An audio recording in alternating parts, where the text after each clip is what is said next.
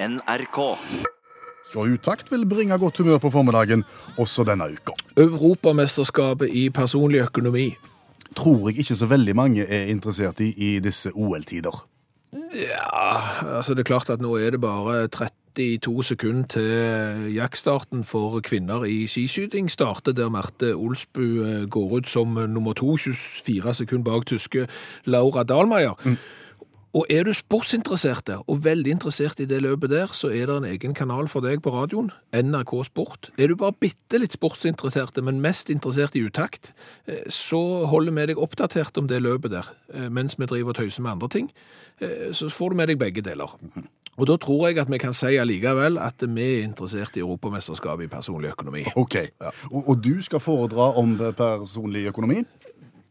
Ja, altså jeg har jo et eh, personlig forbruk som ikke står i stil til inntekten, så dette tror jeg jeg har god greie på. Det som er greia her, er at ungdomsskoleelever i Norge, Ja. de forbereder seg faktisk nå til Europamesterskap i personlig økonomi. Det har du gjerne hørt hvis du har hørt på nyhetene på radioen i dag. Hva skal de gjøre i det mesterskapet der?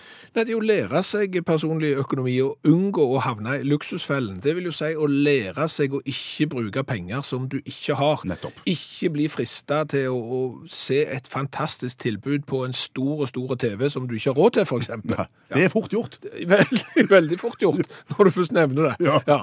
det er det. Men, men, men sånn, sånn er greia. Ja. Eh, Og, og jeg har jo tenkt bitte litt på dette her, at når jeg har hørt hva, hva ungdommene lærer om personlig økonomi, så syns jeg kanskje at de som lærer vekk, gjør det langt mer komplisert enn det burde vært. Er det egentlig enkelt? Ja, altså, Hvis det hadde vært opp til meg, Ja. hvis jeg var lærer, for jeg tenker jo litt sånn at det enkle er ofte det beste, Mm. istedenfor å innprente ti budskap, Ja. innprent ett så de husker. Ok, Og det budskapet er Unngå kreditt. to ord. Ja. Unngå kreditt. Ja. Mening?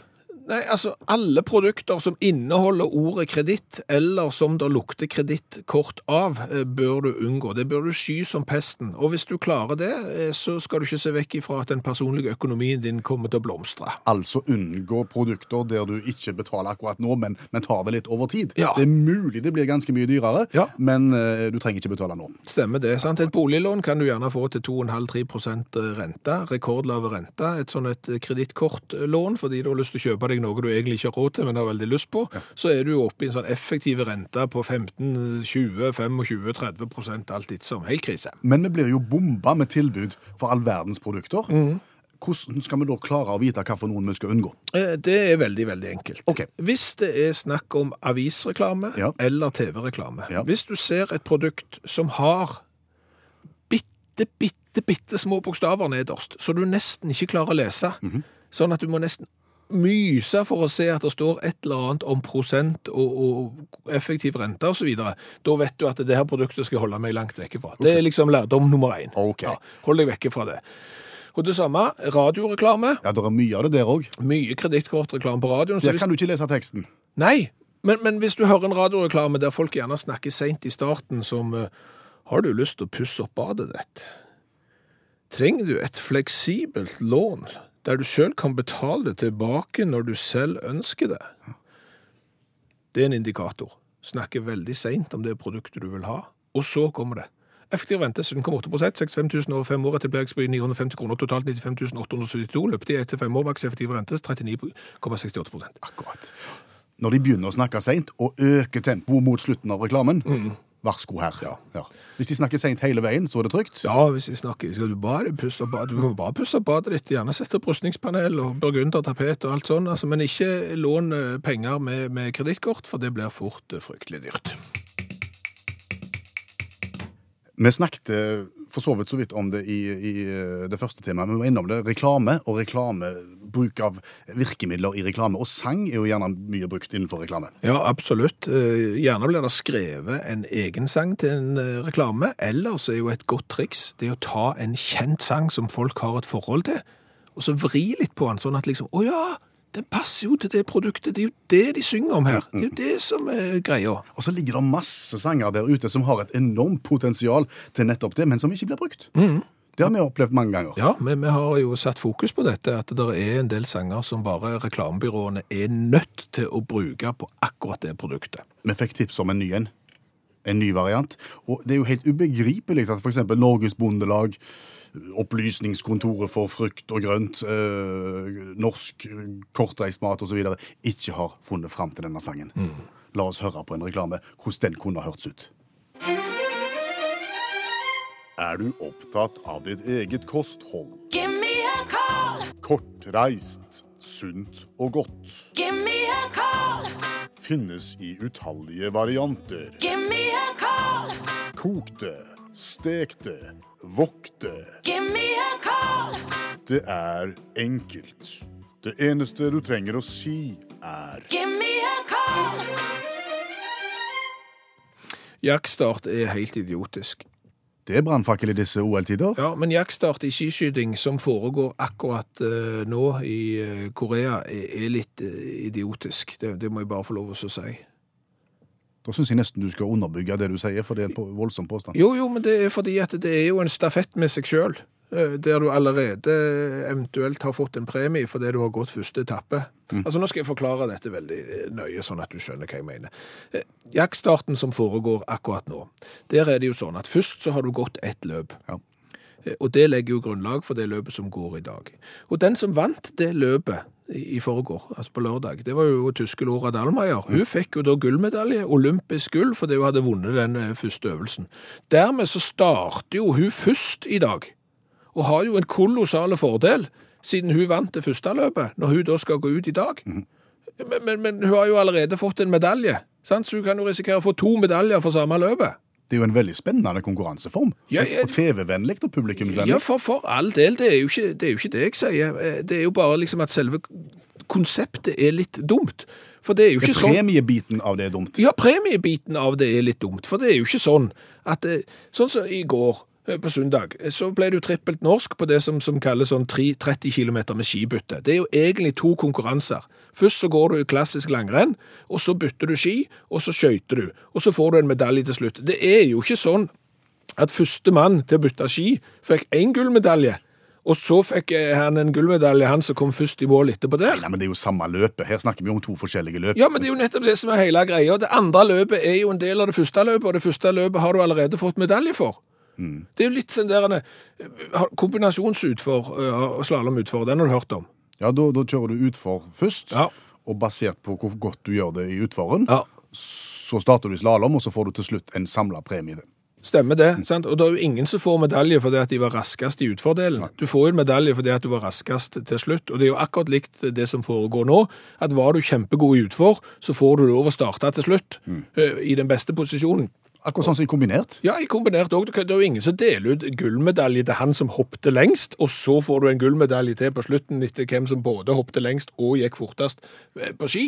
Så, så jeg er ikke imot jaktstart, sånn sett, men jeg syns det er litt rart at du skal få medalje for den første øvelsen først. først. Det, det må være lov å si.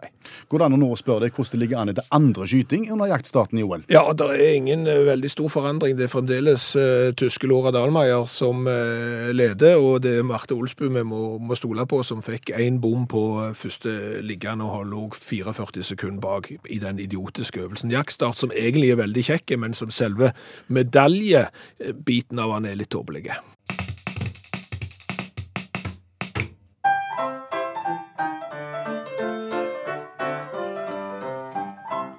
Godt humør av den.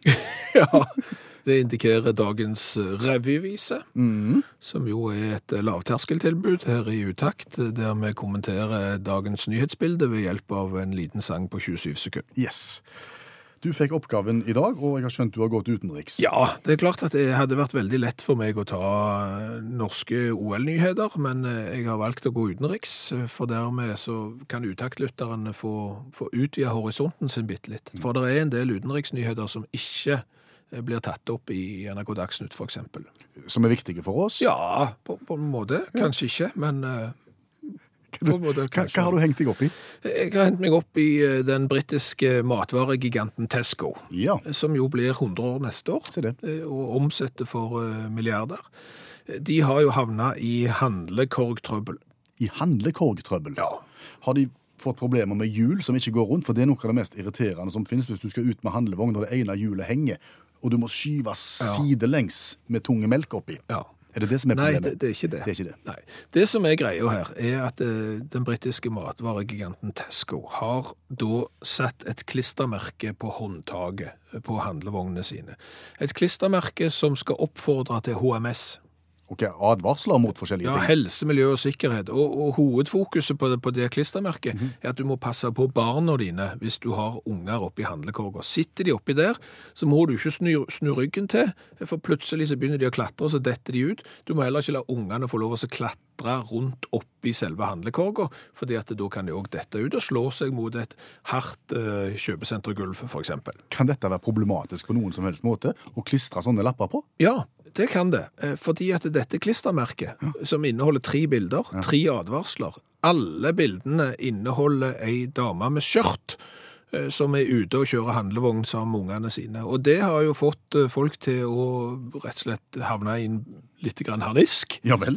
Fordi at det, er det sånn nå at det bare er damene som skal passe på ungene, og er det kun damene som skal gå eh, i butikken og handle? Det her er likestilling på lavt, lavt nivå. Mm. Det finner vi oss ikke i, og dermed så ser det vel ut som at Tesco må krype til et eller annet kors og bytte disse klistremerkene på relativt mange handlekorger. Det minner meg litt om den skiltdebatten vi hadde i Norge for en tid tilbake. Ja, det, det er likt eh, for så vidt, fordi at eh, mannen som gikk over fotgjengerfelt hadde jo eh, flosshatt omtrent, eh, så kunne nesten se ut som han hadde monokkel og røykte pipe, men, men er nå eh, bytta ut til en kjønnsnøytral person, og det, andre, det samme er mange andre norske trafikkskilt. Så, så dette er ikke noe nytt. Og det må altså også skje da på klistremerkene til Tesco. Ja, Og det blir da revyviser av. jeg håper nå det. Ja, la oss høre.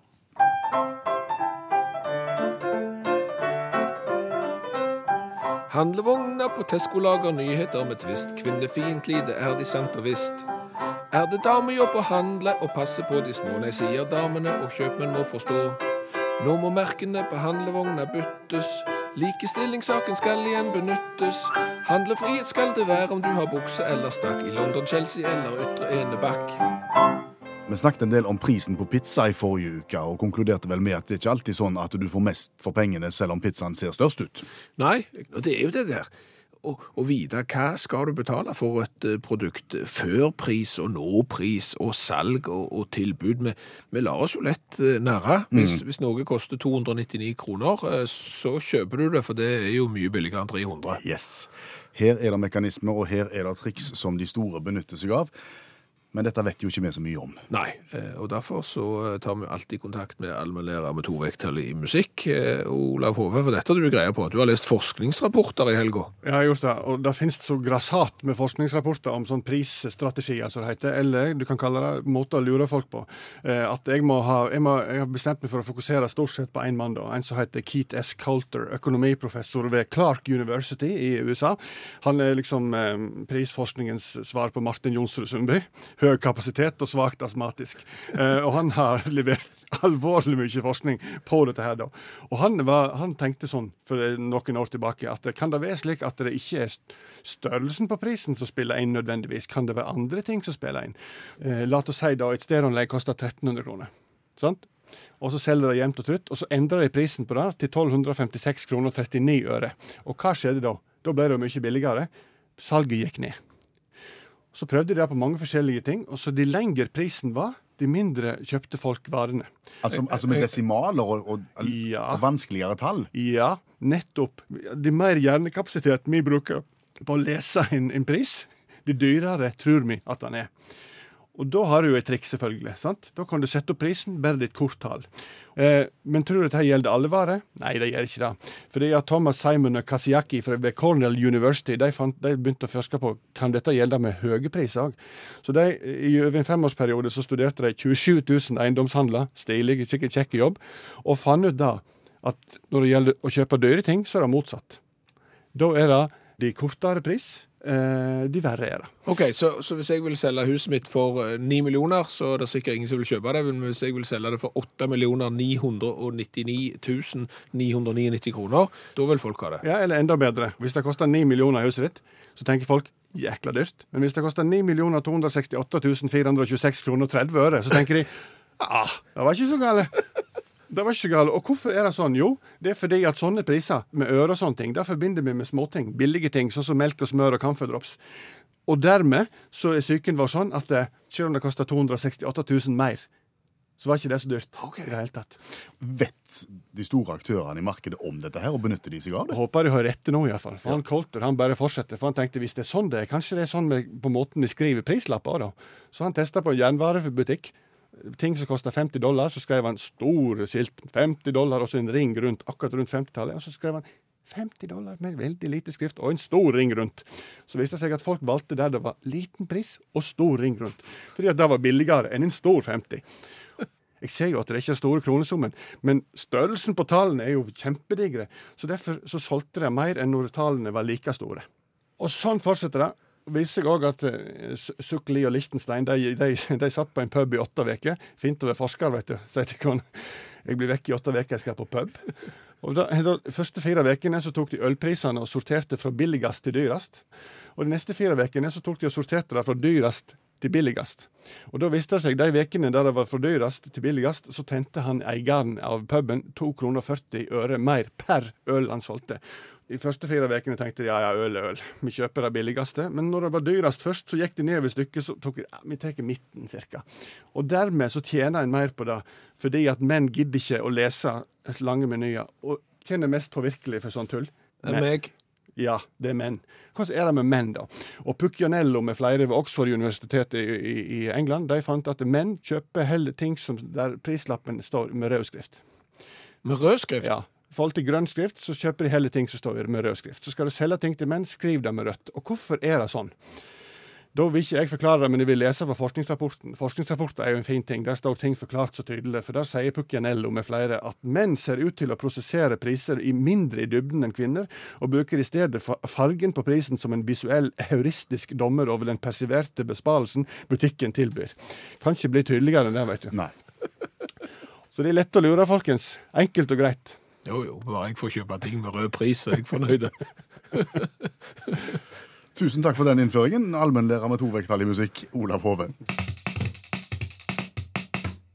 Av og til er det jo sånn at eh, virkeligheten overgår fantasien.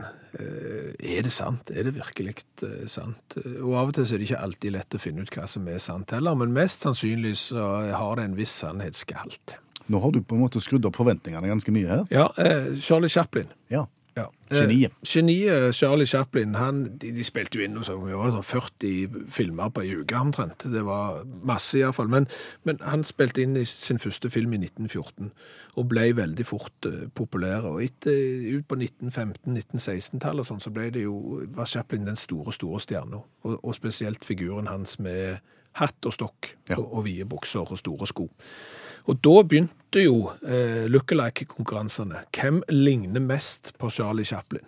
Arrangerte de det? Massevis. Eh, land og, og strand rundt. Og så er jo spørsmålet sannhetsgehalten i historien. Men jeg velger å tro at han er sann, fordi at opphavet for han er Mary Pickford. Hun var skuespillerinne, og grunnla jo annet United Artist, et stort filmselskap, sammen med Charlie Chaplin. Hun fortalte en historie om en sånn look-alike-konkurranse for Chaplin-figurer. Der kommer Charlie Chaplin sjøl forbi, så tenker han OK, jeg melder meg på, bare, bare på gøy. Ja. Bare på gøy, så, så, så melder jeg meg på. 40 deltakere. Charlie Chaplin meldte seg på i Charlie Chaplin look-alike-konkurranse og ble nummer 27.